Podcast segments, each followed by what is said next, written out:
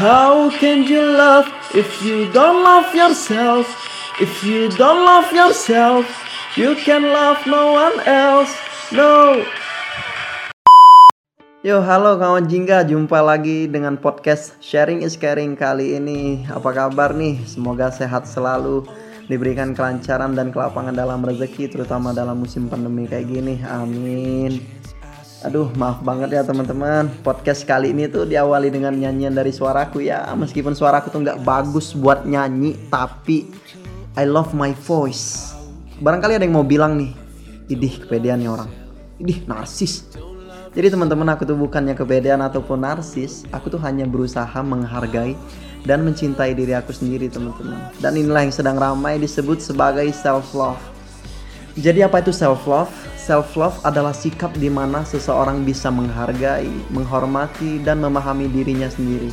Seseorang tersebut bisa realistis dan jujur pada dirinya sendiri mengenai kekurangan dan kelebihan yang ia miliki. Sehingga dia bisa hidup dengan nyaman tanpa harus peduli dengan kalimat-kalimat negatif dari orang lain. Self love itu penting, kenapa?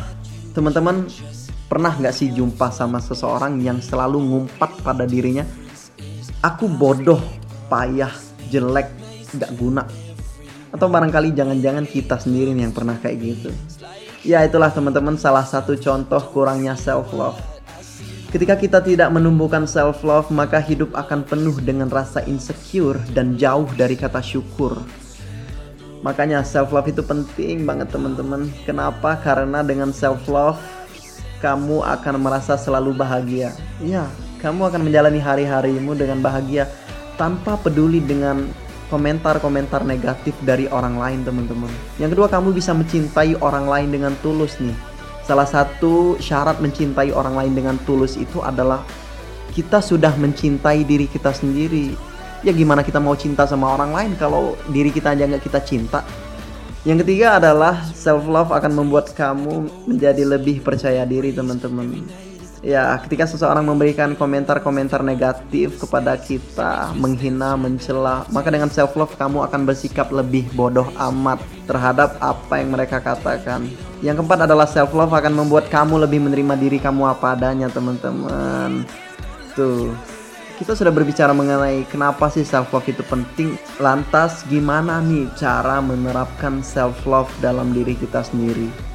Yang pertama adalah dengan menjauh dari orang-orang yang berpengaruh buruk. Tuh, teman-teman kamu siapa kayak yang suka toxic gitu, yang suka menghina, menghujat, body shaming dan sebagainya. Tuh, jauhin tuh orang-orang kayak gitu.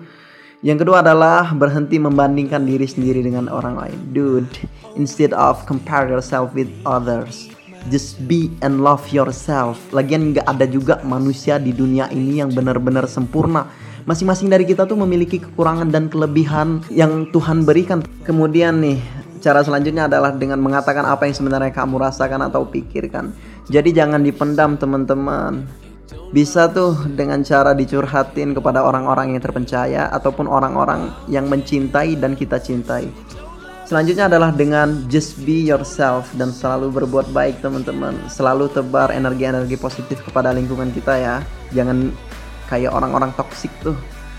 Selanjutnya adalah bersyukur pada setiap hal yang kamu miliki atau lakukan. Yakinlah teman-teman, apa pun yang Tuhan berikan kepada kita, ya itulah yang terbaik. Tidak ada satupun teman-teman manusia di dunia ini yang Tuhan uji ataupun coba di luar batas kemampuannya. Jadi yakinlah teman-teman, apa pun yang Tuhan berikan, itulah yang terbaik. Jadi banyak aja deh rasa syukur kita kepada Tuhan dan jauhi kata insecure. Tuh demikianlah teman-teman podcast sharing is caring mengenai apa itu self love. Semoga bermanfaat dan bermakna ya.